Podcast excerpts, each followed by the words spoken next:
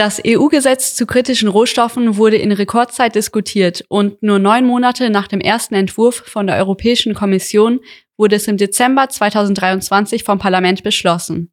Es soll helfen, Rohstoffe zu sichern und die Abhängigkeit von einzelnen Ländern zu verringern.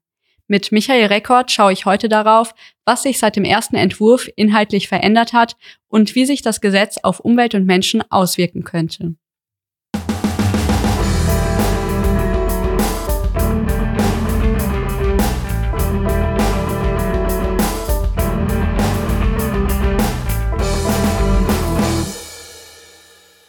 Hallo, ich bin Antonia Vangelista. Ihr hört Kompass Weltwirtschaft, dem Podcast von PowerShift. Mit mir im Studio ist Michael Rekord aus dem Rohstoffteam von PowerShift. Hallo Micha. Hallo Antonia. Micha, du hast ja erst im vergangenen Juni hier beim Kompass Weltwirtschaft über den ersten Entwurf für den Critical Raw Materials Act gesprochen. Damals meintest du, das Gesetz zu kritischen Rohstoffen sei vielleicht im Frühjahr 2024 fertig.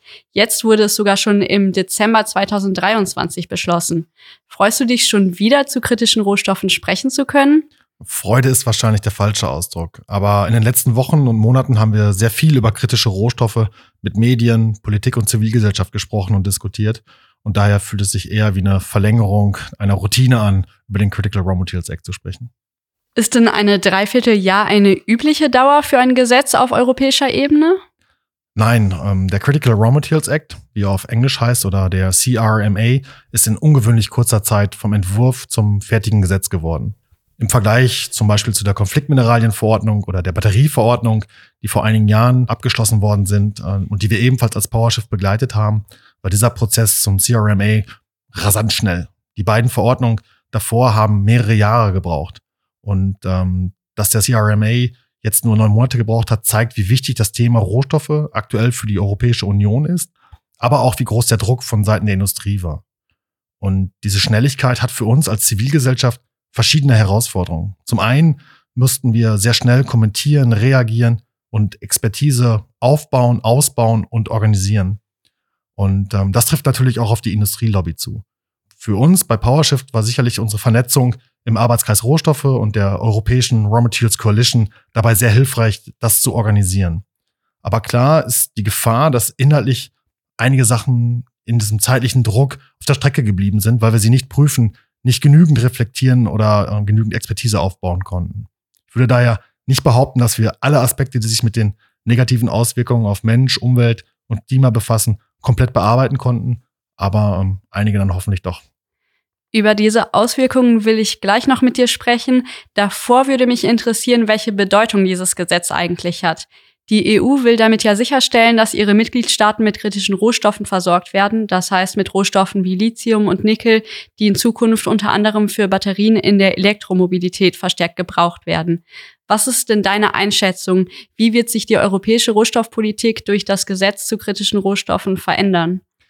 Wir sehen schon eine große Änderung, denn bisher gab es von Seiten der EU vor allem rohstoffpolitische Initiativen oder Strategien. Das bedeutet in erster Linie, es gab sehr viel Papier und wir wissen, Papier ist geduldig. Das heißt, es wurde zwar viel diskutiert, aber wenig konkret gehandelt. Diese Strategien haben kaum konkrete Maßnahmen nach sich gezogen. Die wenigen messbaren Auswirkungen von Strategien und Initiativen waren vor allem ein stärkerer rohstoffpolitischer Fokus in Handelsabkommen zum Beispiel. Über Rohstoffe und Handel haben wir auch vor kurzem in der Podcast-Folge 44 gesprochen. Genau, und jetzt ist das kritische Rohstoffgesetz ähm, geht darüber hinaus. Es geht zum Beispiel um Förderung von Exploration, das heißt von der Erkundung von neuen Lagerstätten, von neuen Rohstoffen oder eine Förderung des Abbaus, den es vorher auch in diesem äh, Rahmen noch nicht gab. Und zwar Förderung des Abbaus innerhalb und außerhalb der EU. Und auch die Kreislaufführung von zum Beispiel Permanentmagneten, um den Verbrauch von seltenen Erden nachhaltiger zu gestalten war vorher nirgends festgehalten. Kannst du kurz erklären, was sind Permanentmagneten? Permanentmagneten sind besonders starke Magneten, die in der Elektromobilität oder auch in Windkrafträdern gebraucht werden und einen geringeren Verschleiß haben als zum Beispiel ähm, mechanische Drehmomente. Alles klar. Und mit dem Critical Raw Materials Act ist die europäische Rohstoffpolitik ja insgesamt erstmals in Gesetzesform gegossen. Was bedeutet das denn dann für die europäische Rohstoffpolitik? In den vergangenen Jahren konnten wir durchaus Fortschritte im Bereich des Menschenrechtsschutzes erzielen.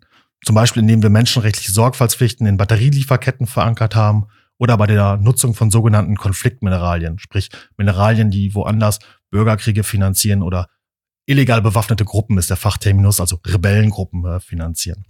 Jetzt sehen wir eher eine Rückkehr der Debatte um die Versorgungssicherheit. Sprich, in erster Linie soll die Industrie mit Rohstoffen versorgt werden und wirtschaftliche Interessen stehen wieder im Zentrum. Zwar betonen die EU-Kommission, die Mitgliedsländer und auch die Politik, dass Menschenrechte und ökologische Aspekte mitgedacht werden, aber wir sehen deutlich, dass sie wieder in die zweite oder dritte Reihe rücken.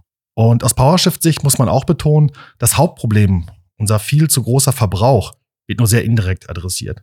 In Europa leben 6% der globalen Bevölkerung und wir verbrauchen 25 bis 30 Prozent der Metalle, die weltweit genutzt werden. Und eigentlich hat der Critical Raw Materials Act nur an einigen Stellen über Effizienz und Technologielösungen den Versuch, die, den Verbrauch dieser Rohstoffe zu senken. Und dann kommt noch die verbesserte Circular Economy, sprich die Kreislaufführung von Rohstoffen hinzu. Und konkrete Ziele, Maßnahmen oder ähm, Werte, wie und in welchem Maße äh, messbar der Rohstoffverbrauch und die Verschwendung von Rohstoffen gestoppt werden sollen, sind leider nicht in dem Gesetz. Das klingt ja danach, dass die EU durch das Gesetz zwar eine neue Richtung in puncto Rohstoffpolitik einschlägt, aber diese Politik eher rückschrittlich ist. Mit PowerShift habt ihr das Gesetzesvorhaben ja seit dem ersten Entwurf eng verfolgt. Gibt es denn irgendwelche Aspekte, die sich in den neun Monaten vom Entwurf zum fertigen Gesetz verbessert haben? Ja, es ist gerade noch schwer, den Erfolg konkret zu bemessen. An verschiedenen Stellen ähm, wurden die Kommission und die Mitgliedstaaten aufgefordert, das erwartete Wachstum des zukünftigen Mehrverbrauchs zu, Zitat, moderieren oder gar zu entschärfen. Es gibt zwar keine Benchmark, sprich keine messbare Kennziffer für die Reduktion, im Gegensatz zu dem Beispiel 10% heimischer Bergbau in der Zukunft oder 25% Recyclingziele im Gesetz, aber diese Benchmark gibt es halt nicht für die Reduktion. Aber immerhin diese Aufforderung, den Rohstoffverbrauch einzudämmen, öffnet auf jeden Fall Türen für unsere zukünftige Arbeit. Auch wenn es dabei zum Teil nur um technologischen Fortschritt und Ressourceneffizienz geht, sprich die bessere, aber nicht unbedingt einmal sparsamere Nutzung. Aber selbst diese kleinen Trippelschritte in Richtung nachhaltigen Verbrauch haben zuvor völlig gefehlt. Ein weiterer Schritt in diese Richtung ist auch, dass in Zukunft deutlich mehr Rohstoffe aus dem wirtschaftlichen Kreislauf kommen sollen. Also das bedeutet, dass die Rohstoffe wiederverwendet werden? Ja, richtig. Im Entwurf ähm, stand ein Anteil von 15 Prozent der Rohstoffe, die aus dem Kreislauf kommen sollen. Und der ist durch die politische Debatte mit den Mitgliedstaaten und der, ähm, dem Parlament auf 25 Prozent erhöht worden. Das ist eine gute Nachricht, weil es ein deutliches Signal sendet. Ähm, wir müssen einige Rohstoffe im Kreislauf halten, beziehungsweise überhaupt erstmal eine Kreislaufwirtschaft aufbauen. Ein Beispiel sind die seltenen Erden in Permanentmagneten, die in der Automobilindustrie, aber auch in der Windkraft oder in Pedelecs genutzt werden und ähm, deren Kreislaufwirtschaft äh, momentan unter fünf Prozent ist. Das heißt, 95 Prozent der seltenen Erden, die wir nutzen, kommen aus Primär, sprich aus dem Bergbau. Und umso weniger Rohstoffe wir verschwenden, desto weniger neuen Bergbau brauchen wir. Und ähm, gleichzeitig muss man auch sagen, 25 Prozent ist für einige andere Rohstoffe wie Aluminium, Kupfer oder Wolfram viel zu niedrig, da wir heute schon längst größere Mengen an Rohstoffen recyceln als diese 25 Prozent. Okay, seit dem ersten Entwurf hat sich also der Zielwert des Recyclinganteils erhöht und weniger Verbrauch ist zumindest angesprochen. In der Podcast-Folge zum Entwurf hast du auch gesagt, dass mehr Rohstoffe in Europa abgebaut und weiterverarbeitet werden sollen. Und diese Folge könnt ihr auch nochmal nachhören. Die verlinken wir euch auch in den Show Notes. Was steht denn im fertigen Gesetz zum europäischen Bergbau und der Weiterverarbeitung? Ja, diese beiden Ziele sind gleich geblieben und haben sich nicht verändert. Die EU will zukünftig 10 Prozent der Rohstoffe heimisch abbauen, sprich innerhalb der EU und 40 Prozent der Erze in Europa zu Metallen weiterverarbeiten. Das heißt ungefähr eine Verdopplung von 5 Prozent heimischen Rohstoffabbau und ähm, 20 Prozent der heutigen Produktion von Metallen, die in Europa stattfinden. Und durch einen höheren heimischen Abbau von Rohstoffen steigt der Druck auf die Gemeinschaften in den rohstoffreichen Regionen Europas. Das betrifft zum Beispiel die indigene Gemeinschaft der Sami in Schweden, deren traditioneller Herdentrieb von den Rentieren durch den Ausbau von Minen gefährdet ist. Das betrifft sicherlich auch viele lokale Gemeinschaften auf der iberischen Halbinsel, Portugal, Spanien, die sich aktuell gegen Lithiumabbau oder Wolframabbau wehren. Gibt es denn schon konkrete Pläne, wie und wo künftig in Europa Rohstoffe abgebaut werden sollen? Es gibt sicherlich Projekte, die hoffen, von diesem Gesetz profitieren zu können. Zum Beispiel das genannte Projekt in Schweden, was die Sami gefährdet. Da geht es um Eisenabbau, wo auch in der Eisenlagerstätte seltene Erden ähm, ver vergesellschaftet sind, also mitgewonnen werden können. Die europäische Industrie ist generell sehr zufrieden mit dem Gesetz, wie es uns scheint. Und ähm, einer der Punkte, wo sie sehr zufrieden sind, sind strategische Projekte. Denn hier soll es tatsächlich eine Unterstützung für einzelne Abbauprojekte geben. Und wir erwarten vor allen Dingen Projekte in Skandinavien und Südeuropa, aber aktuell wissen wir es noch nicht, weil wir damit von ausgehen, dass in der ersten Jahreshälfte irgendwann diese strategischen Projekte ausgeschrieben werden und sich dann Unternehmen darauf bewerben werden. Dann zu der Weiterverarbeitung. Wie werden sich denn die angestrebten 40 Prozent der Rohstoffe auswirken, die künftig in Europa weiterverarbeitet werden sollen? Die hohen Weiterverarbeitungsziele werden am meisten die Länder spüren, die gerade selber planen, ihre Rohstoffvorkommen selbst zu nutzen für eine eigene Industrialisierung oder für eine eigene erhöhte Wertschöpfung, zum Beispiel bis in die Batterieproduktion zu gehen. Denn hier wird es eine Konkurrenz geben zwischen der heimischen Veredelung in zum Beispiel Chile oder Mexiko, die solche Pläne haben, und den Wirtschaftsinteressen der EU. Denn wenn die EU dieses Ziel erreichen will, muss sie dafür sorgen, dass Erze importiert werden und nicht weiterverarbeitete Metalle. Und wir sehen diesen Konflikt zum Beispiel ähm, an Indonesien, die den ähm, Export von Nickelerz gestoppt haben, um das Nickelerz selber im Land weiter zu verarbeiten. Und die Europäische Union klagt dagegen aktuell im Rahmen der Welthandelsorganisation WTO. Und offiziell wird von der EU-Kommission argumentiert, hey, die Quoten beziehen sich eigentlich auf die hohe Abhängigkeit von China bei vielen Rohstoffen und dass diese verringert werden soll. Aber China ist ein anderer großer Wirtschaftsblock wie die USA oder Europa. Das heißt, sie haben genug Macht, um auf diese Entwicklung reagieren zu können und weiterhin dafür zu sorgen, dass auch Rohstoffe in China weiterverarbeitet werden. Und viele Länder Asiens, Afrikas oder Lateinamerikas haben diese Verhandlungsmacht nicht. Das heißt, es droht dort, dass sie weiter in die Rolle der Rohstofflieferanten verharren oder wieder da reingedrückt werden. Du hast ja gerade schon angesprochen, dass es einen Konflikt gibt zwischen dem Ziel, mehr Rohstoffe in Europa weiter zu verarbeiten und der Zusammenarbeit mit anderen Ländern. Die EU plant ja auch sogenannte Rohstoffpartnerschaften mit Ländern des globalen Südens, bei denen ebenfalls die Wertschöpfung in den jeweiligen Ländern gestärkt werden soll. Welche Lösungsvorschläge gibt es hierfür? Aktuell sehen wir für diesen Widerspruch noch gar keine Lösung. Wir sehen immerhin den Widerspruch und den sieht die EU-Kommission, glaube ich, auch. Sie argumentiert, ähm, dass sie versuchen, mit, dem, mit den Critical Raw Materials Partnerships, also den Rohstoffpartnerschaften, diese aufzubauen, dass in denen auch die Interessen der jeweiligen Partnerländer beachtet werden. Ähm, dazu, diese Rohstoffpartnerschaften muss man sich so vorstellen, da gibt es zuerst ein Memorandum of Understanding, also eine Absichtserklärung, und dann soll es eine Roadmap geben, das heißt ein Plan, was eigentlich ähm, gemeinsam besprochen und bearbeitet werden soll.